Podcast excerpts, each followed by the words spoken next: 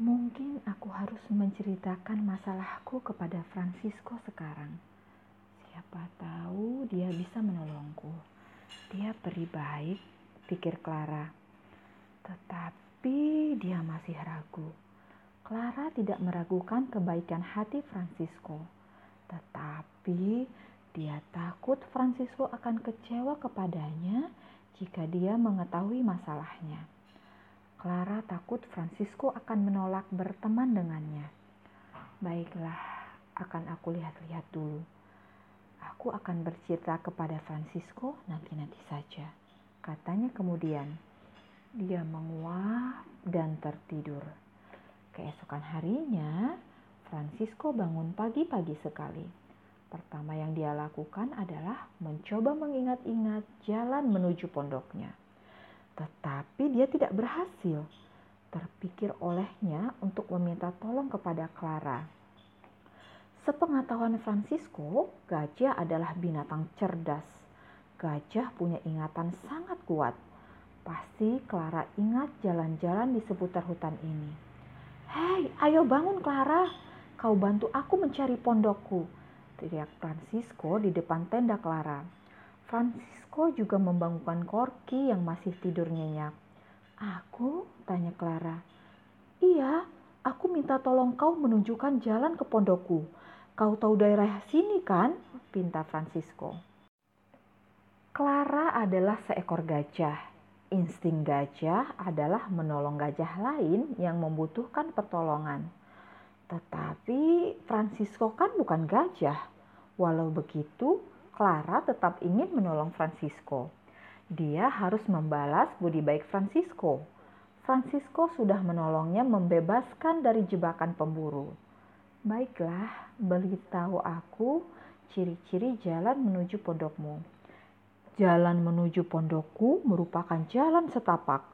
Kanan kirinya banyak pohon beri. Banyak pohon merambat berbunga jingga dan berdaun kuning, jelas Francisco. Aku tidak pernah mendengar hutan dengan pepohonan macan itu sebelum ini, kata Clara kemudian.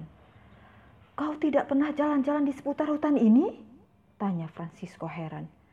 Tidak, aku punya tugas menunggui tendaku, jawab Clara. Sampai kapan? Tanya Francisco lagi. Sampai datang kepadaku seorang peri baik hati yang mau menolongku dan mau menjadi temanku. Jawab Clara. Mungkinkah teman yang kau tunggu itu aku? Tanya Francisco lagi. Aku harap begitu, Francisco. Maukah kau menjadi temanku? Baiklah, Clara. Aku akan menjadi temanmu. Tetapi sebaiknya aku melanjutkan mencari pondokku bersama Corky. Kau akan mencari ke arah mana? Tanya Clara. Tak tahulah, jawab Francisco. Aku akan menemanimu. Kita akan mencarinya bersama-sama, Francisco. Walau aku tidak pernah tahu jalan-jalan di daerah hutan ini sebelumnya, kata Clara. Akhirnya, Clara dan Francisco bersama-sama berkeliling hutan mencari pondok Francisco. Namun, dua jam kemudian, Clara menyerah. Sementara Francisco masih terus ingin mencari pondoknya. Aduh, Francisco, kalau seperti ini kita tidak akan menemukan pondokmu. Kita harus mencari bantuan lain. Lagi pula, seperti apa bentuk pondokmu? Tanya Clara. Pondokku adalah pondok kecil dengan dinding kayu dan bambu. Atapnya berwarna biru dengan cerobong asap pada atapnya. Sambil menjelaskan rumahnya, Francisco pun berpikir, ini adalah saat yang tepat bagiku untuk pelan-pelan mengungkap siapa sebenarnya Gajah Clara. Jika tenda itu bukan rumahmu, maka di manakah rumahmu, Clara? Tanya Francisco. Rumahku di istana, di seberang hutan ini, jawab Clara. Wow, istana? Apakah seekor gajah bisa tinggal di istana? Wah, kau pasti peliharaan kesayangan seorang putri atau pangeran kerajaan, kata Francisco. Sebenarnya aku bukan peliharaan siapa pun, jawab Clara dalam hati sambil membayangkan seraut wajah. Apakah aku bisa berkunjung ke istana tempat tinggalmu? Tanya Francisco. Hmm, tentu saja bisa, tetapi sepertinya tidak sekarang, jawab Clara. Kenapa? Tanya Francisco penasaran. Kita harus menemukan pondokmu lebih dulu, jawab Clara sambil mengalihkan keinginan Francisco.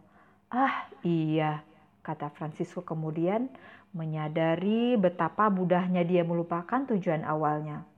Aku memang pelupa, dan Clara merasa lega, terbebas dari keinginan Francisco mengunjungi istananya.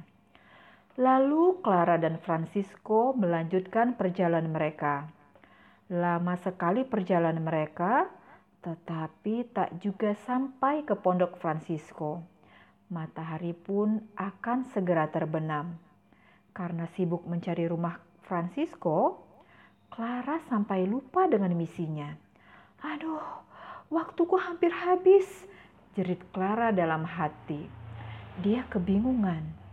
Aku harus menceritakan masalahku kepada Francisco sekarang juga, pikirnya lagi. Francisco, sebaiknya kita istirahat dulu, ajak Clara. Tetapi aku belum menemukan pondokku. Tolonglah, sebentar saja. Aku ingin bicara, desak Clara.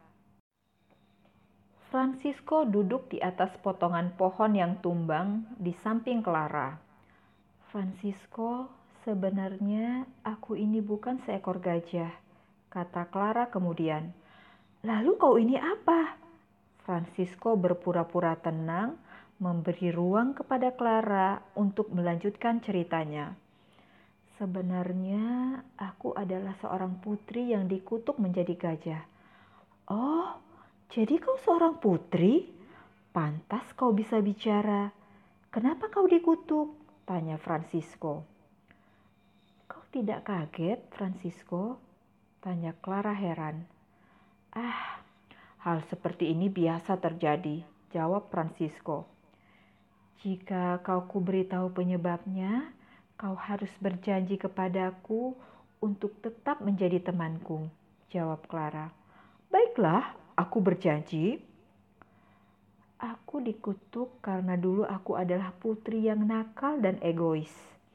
Dulu aku suka mencuri benda-benda milik ibuku Aku tidak pernah mau membantu orang lain dan malas mengurus barang-barang pemberian ibuku. Banyak sekali barang-barang penting pemberian ibuku yang hilang.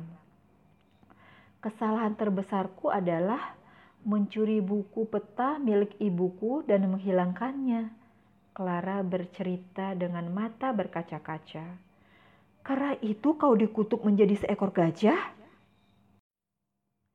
Iya, Ibuku marah sekali kepadaku.